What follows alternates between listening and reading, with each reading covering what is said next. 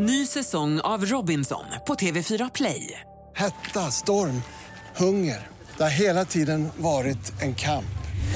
Nu är det blod och tårar. Fan händer just nu. Det. är Detta är inte okej. Robinson 2024, nu fucking kör vi! Streama söndag på TV4 Play. Hallå där, det är jag som är Lotta Bromé och det här är ett inslag från Halv tre med Lotta Bromé på Mix Megapol. Nu har Kreml meddelat att de under fredagen kommer att annektera de ockuperade områdena Luhansk, Donetsk, Cherson och Zaporizjzja i Ukraina efter de av Ryssland så kallade folkomröstningarna. Med oss nu Hugo von Essen från Utrikespolitiska institutet. Välkommen till Halv tre. Tack så mycket. Ja, vad är det här för så kallade folkomröstningar egentligen? Ja, de här är ju såklart helt eh, fejkade. Det här, det här handlar om teater där man från rysk sida gör allt man kan för att få det här att verka som en legitim, eh, ett legitimt uttryck för folkets vilja. Eh, men resultatet är ju såklart helt påhittat. Eh, det här genomförandet strider ju såklart mot alla demokratiska principer eh, men också mot internationell rätt. Eh, Och det är ju ett allvarligt brott mot Ukrainas suveränitet och ter territoriella integritet. Man, man bör se de här så kallade omröstningarna som en del i Rysslands krigstaktik. Stämmer det att man till och med tvingade människor att gå från hus och hem och rösta med vapen? Ja, precis. Man vill ju liksom göra ett PR, en PR-grej av det här. Att, att man ska kunna visa, man ska kunna ta bilder eh, och sen eh, ja, visa att det här ser ut som att det här ska vara folkets eh, vilja. Att det här är, det är människor som vill tillhöra Ryssland. Men det, eh, det är också fejkat såklart. Vad kommer det få för konsekvenser i den pågående konflikten? Ja, det man från rysk sida hoppas att det här ska få som konsekvens det är ju att eh, man ska kunna säga från rysk sida att nu är de här regionerna ryska. Det betyder att de omfattas av det ryska kärnvapenskyddet och om Ukraina fortsätter med sina attacker eh, så kommer vi kanske vara tvungna att använda kärnvapen för att försvara eh, ryskt territorium. Problemet är att för rysk del är att Ukraina och västvärlden kommer antagligen inte köpa den här bluffen på samma sätt som man inte har köpt tidigare liknande bluffar. Så på, på kort sikt kommer det inte direkt få någon stor effekt eh, på kriget så. Den ukrainska motoffensiven kommer fortsätta. Eh, däremot på lång sikt så visar man ju väldigt tydligt från ryskt håll eh, att man höjer insatserna ytterligare i det här kriget. Man vill skicka en signal till den egna befolkningen men till också Ukraina och västvärlden att man kommer att fortsätta att kriga tills, till sista blodsdroppe i princip. Mm. Det låter så läskigt när du börjar prata om kärnvapen på det sättet. Ja, precis. Men här är det som sagt viktigt att, att komma ihåg att det är ett av Rysslands vanligaste knep att hota med kärnvapen. Eh, därför att man vet att det låter så skrämmande. Man hoppas att västvärlden ska bli rädd av det här och kanske inte lika villiga att stödja Ukraina. Eh, men som sagt, det här handlar om, om ryskt bluffande eh, och, och man bör inte ta de här ryska kärnvapenhoten på allvar. Nu hörde vi på nyheten här precis att Finland då har stängt sina gränser för ryska turister in i landet efter mobiliseringen då som Putin eh, hade eller har just nu då så har det kommit fler och fler ryssar över gränsen. Vad säger det?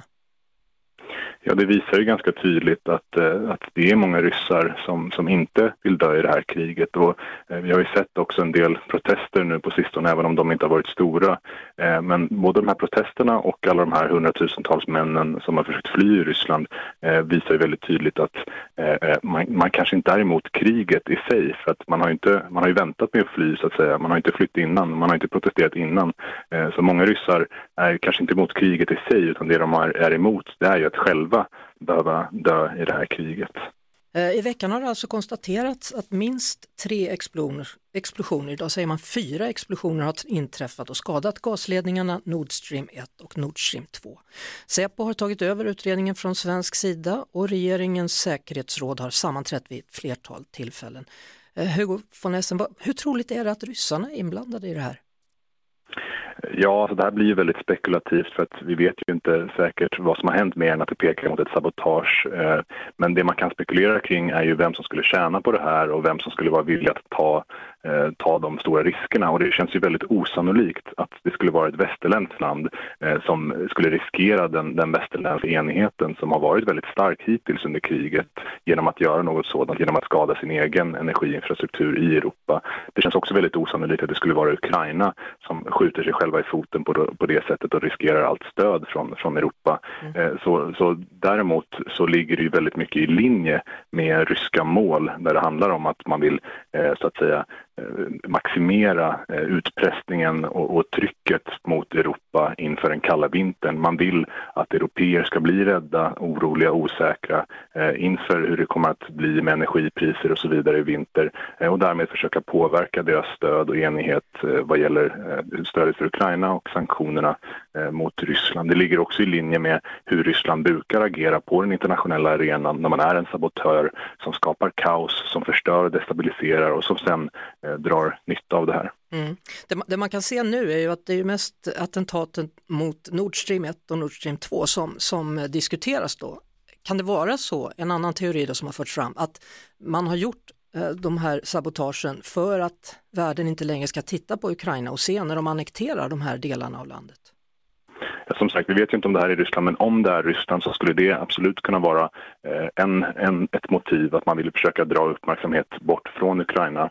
En annat tänkbart motiv skulle, vilja, skulle vara att man försöker skicka en strategisk liksom, signal till Europa, att, ett, ett slags hot att eh, visa att vi är villiga och, och kapabla att förstöra europeisk eh, energiinfrastruktur, eh, så passa er helt enkelt.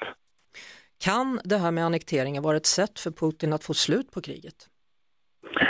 Ja, alltså, man kan ju se det som att annekteringen eh, är ett sätt för Putin att frysa ner läget. Man är orolig för att den ukrainska motoffensiven kommer att fortsätta eh, och genom att annektera nu så hoppas man att västvärlden ska eh, så att säga acceptera den här, den här eh, annekteringen och acceptera kärnvapenhotet som, som eh, Putin lägger in bakom annekteringen där man säger att det här är nu eh, ryskt territorium. Om Ukraina attackerar så kan det innebära att vi måste försvara oss med kärnvapen. Så det är det som är förhoppningen från rysk sida. Jag tror antagligen att det inte kommer att ske. Vi hörs såklart på Mix Megapol varje eftermiddag vid halv tre. Ett poddtips från Podplay. I podden Något Kaiko garanterar östgötarna Brutti och jag, Davva, dig en stor dos skratt. Där följer jag pladask för köttätandet igen. Man är lite som en jävla vampyr. Man har fått lite blodsmak och då måste man ha mer. Udda spaningar, fängslande anekdoter och en och annan arg rant. Jag måste ha mitt kaffe på morgonen för annars är jag ingen trevlig människa. Då är du ingen trevlig människa, punkt. Något kajko, hör du på podplay. Därför är gardinerna.